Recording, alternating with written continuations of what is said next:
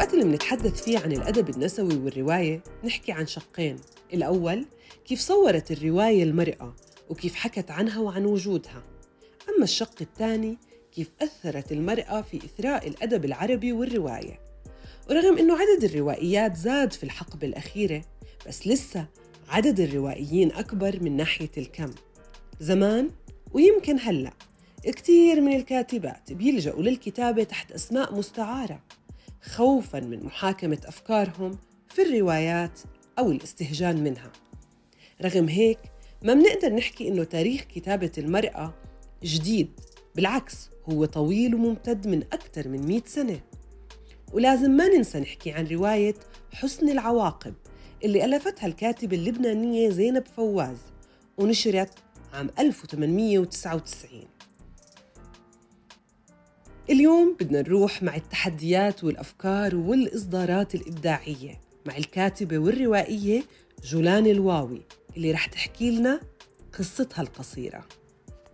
أنا بكتب ومن أنا يمكن ثمان سنين تسع سنين كنت دائما بابا كان يسافر كتير الصراحة وكنت أحبه ومتعلقة فيه.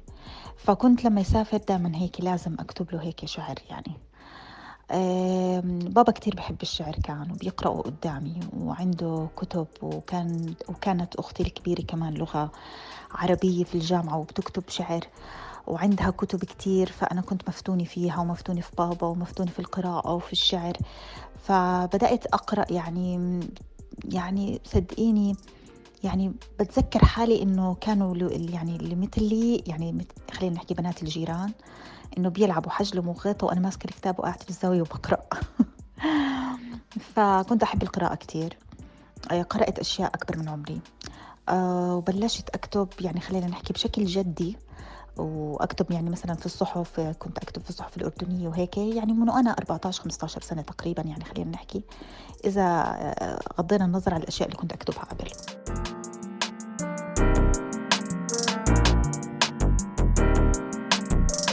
البنت المفتونة بالقراءة والكتابة واللي عاشت فترة كتابة الرسائل الورقية.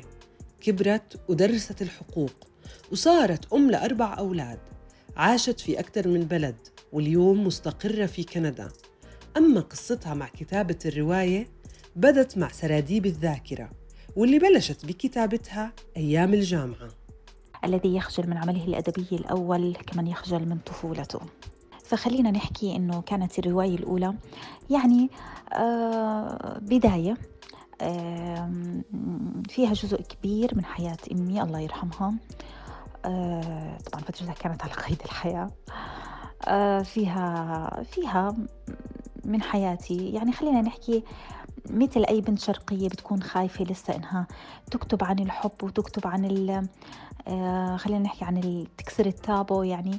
فكنت مقيدة لسه بقيود إني أنا أول رواية أول عمل إلي مش عارفة كيف أطلع. آه، كانت لغته لغة الرواية الأولى يعني أكثر لغة لغة شعرية لغة خواطر. بس أنا طبعا الحمد لله رب العالمين يعني بعتبرها تجربة كانت طبعا لو ما هي كانت الخطوة الأولى في السلم يعني ولا كان ما, ما استمريت وما كملت.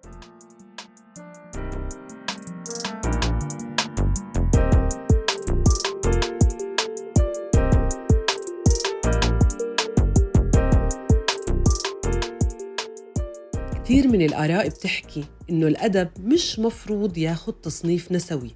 بكفي نحكي إنه هذا النص إبداعي وجميل لأنه النصوص ما بتحمل صفة الذكورة والأنوثة وإنه أبداً الكثرة في الكم لا تعني إثراء وجود المرأة بهذا القطاع. هذا بيشبه الدافع اللي بخلي جولان تكتب واللي هو متعلق بشكل كامل بتطوير أدواتها الأدبية. قراءة من أهم الأشياء اللي بتخلي الإنسان إنه يستمر في الكتابة. بتثري لغة الإنسان بتعطيه أفكار بتعطيه معلومات بتحمسه بتفتحه بتفتح آفاقه هيك على عالم جديد عرفتي؟ وبنفس الوقت اللي هي يعني يعني أحيانا عن جد إنه ما في عندي طريقة للتعبير إلا الكتابة. يعني إذا بحزن بحب أكتب إذا بفرح بحب أكتب. طبعا مش بنفس اللحظة. آه، دائما بتيجي حالة متأخرة على الحزن الكتاب أو حالة متأخرة على الفرح. يعني خلينا نحكي إنه مجموعة عوامل اللي هي رغبتي في التعبير عن نفسي القراءة طبعا أكيد التشجيع المستمر من بابا كتير كتير كان يشجعني يعني الصراحة.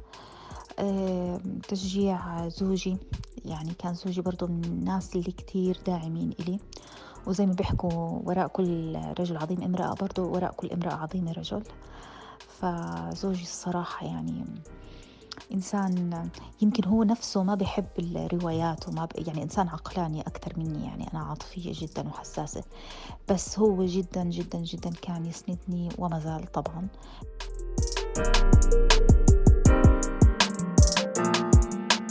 الطريق اللي فيه مخاوف كتيرة والمتعلق في البدايات هو الخطوة في مشوارنا. وهذا اللي كان مع رواية سراديب الذاكرة اللي كانت محفوفة في المخاوف. إلا إنها كانت بذرة للإصدارات اللاحقة. نظرة المجتمع لإلك إنه دائما بتفكر الإنسان أو الفتاة الشرقية إنه الإنسان يعني البطلة في الرواية إنه حينظر إليها كأنها هي. يعني أي كلمة هون ولا هون بتحسيها إنه الناس رح تحاسبك على إنه هاي البطلة هي أنت. فأكيد كان عندي هذا الخوف. كان عندي خوف من الفشل أكيد طبعا. إني أنا يعني إنه الناس ما يعجبها اللي أنا كاتبته على شكل رواية. أوكي كانوا يحبوا خواطري كانوا يحبوا أشعاري ربما. لكن إنك تكتبي رواية رواية يعني خلينا نحكي بدها نفس طويل. بدها حبكة بدها تشويق فأكيد كانت عندي هاي المخاوف. لكن ولله الحمد يعني أنا حسيت إنها كانت تجربة جيدة. ودفعتني بعديها لكتابة الرواية الثانية اللي هي مقصلة الورد. آه، يمكن كان في بينهم فارق منيح بالوقت يعني كان في بينهم تقريبا أربع سنوات. لكن يعني ما بعرف يعني يمكن احتجت وقت إني أتعافى من عقد الفتاة الشرقية يعني وإنه من مخاوفها إنها تكون يعني إنها تكون محط أنظار القراء إنها هي البطلة. آه، ولذلك تجاوزت كل الحدود كسرت التابو آه، اللي اللي يعني المفروض كان أكثره من الرواية الأولى وتكلمت عن أشياء آه، المسكوت عنه كما يقال في مقصله الورد. تكلمت عن زواج القاصرات عن السادية اللي موجودة عند بعض الأزواج لدى زوجاتهم عن رحلة عذاب آه، لبنت يعني استطاعت إنها تتحرر من مخاوفها ومن هاي الصعوبات.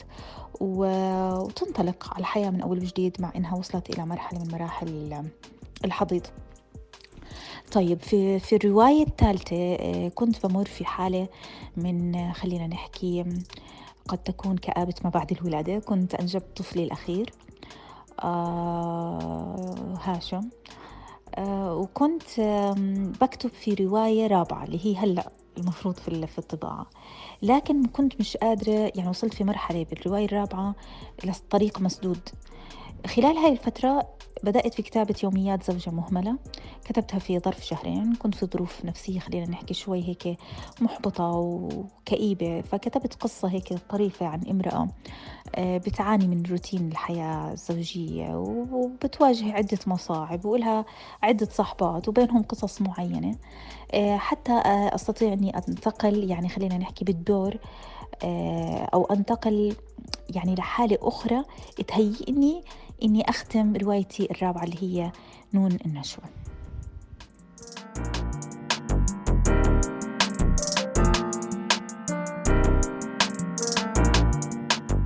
المولود الجديد لجولان هو نون النشوة.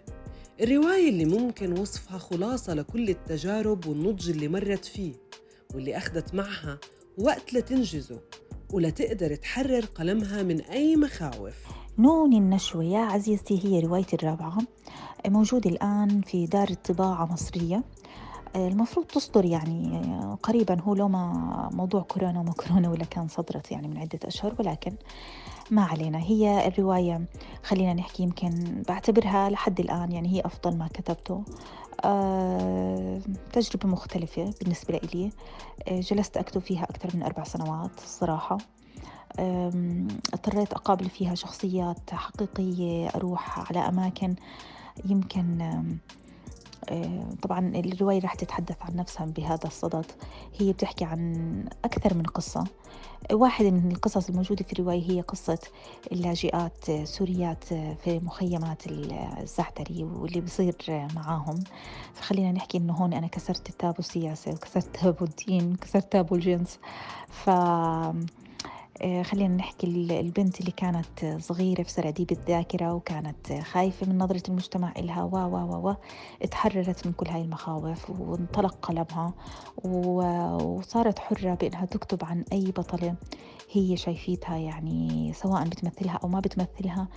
يعني الحمد لله يعني حتى تجربة كتابة الرواية كان مختلف. مشاعري اتجاه الرواية أيضا مختلف جدا. يعني قد أكون في الرواية الأولى كنت عاطفية كتير اتجاه روايتي يعني وتعلقي فيها. ربما أنا أكثر عقلانية الآن مع روايتي الأخيرة يعني. وأطمح إنها يعني تصل إلى القراء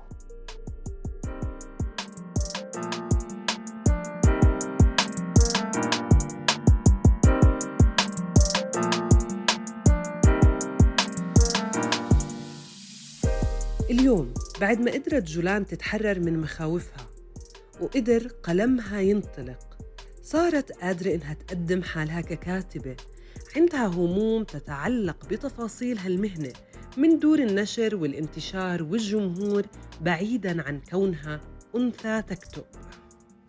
هي نشر الروايات للأسف دور النشر العربية ما عندها أي خدمة تحرير ما بعد الكتابة هي بتاخذ عملك بمقابل مادي للأسف. آه، ما في حدا يساعدك في التحرير ما حدا في يساعدك. آه، في في في إعادة الكتابة ما في حدا يساعدك. حتى في في تقديم رأيه. يعني ما في ناشر بيحكي لك أعطيني أقرأ العمل وإذا عجبني آه بنشر لك إياه وإذا ما عجبني برجع لك إياه. آه للأسف يعني حسيت إنه دور النشر كانت من أكبر العواق العقبات لإلي. الصعوبة الأخرى إني أنا مش موجودة في بلدي كنت دائما مغتربة.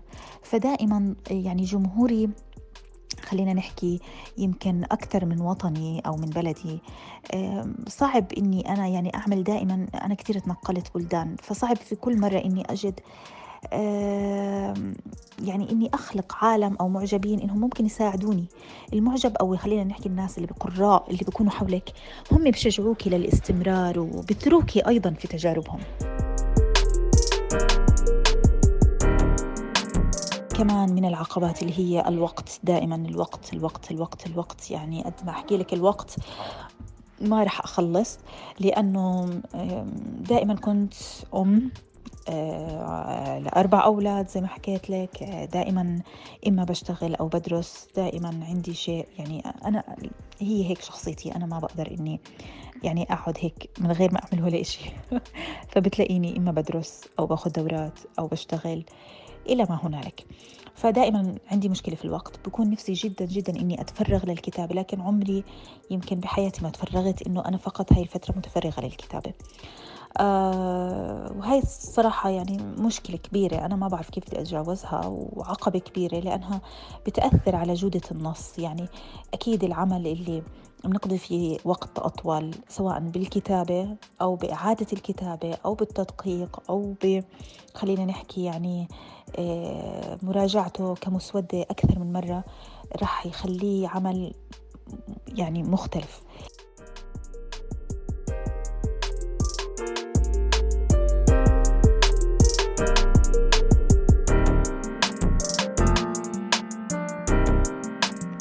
سراديب الذاكرة وصولا إلى نون النشوة رحلة أم وكاتبة انتقلت من بلد لبلد وطورت تجربتها الأدبية كملت بهذا المجال والصبية المفتونة بالأدب درست الحقوق وكملت بحياتها بين النصوص والأولاد والسفر وأكيد لسه في أحلام ومخططات كتيرة. أنا بانتظار إنها تصدر روايتي نون النشوة. أكيد على أحر من الجمر لكني في نفس الوقت بدأت في كتابة مذكراتي. آه، هي كانت فكرة يعني خلينا نحكي فكرة شوي صعبة. آه، إنه بدأت في مذكرات والدتي الله يرحمها لكني وجدت نفسي غير قادرة على يعني إتمامها لأني وجدت إنه من يعني مش من حقي أتحدث عن حياة شخص آخر يعني. وإني أكون الحكم عليها يعني إني أسلط الضوء على نقاط معينة دون نقاط أخرى. فلذلك وجدت نفسي إني أنا ربما من الأفضل أن أكتب يعني مذكرات جولان والمذكرات التي تخص أمي من خلالي أنا أو من زاوية النظر اللي أنا بنظر فيها لهاي الذكريات. آه، أيضا بكتب رواية ثانية. آه، رواية رومانسية. وأخيرا بعيدة عن كل القضايا الاجتماعية اللي كنت أطرحها في روايتي بعيدة عن السياسة بعيدة عن شيء رومانسية بحتة. انتظروها يعني. آه، مخططاتي أنا بحكي لك بدرس هلا حاليا عشان أخذ رخصة يعني ممارسة القانون هون في كندا. وأطمح برضو كمان إني أخذ كورسات أو عم باخذ أصلا كورسات في الكتابة الإبداعية.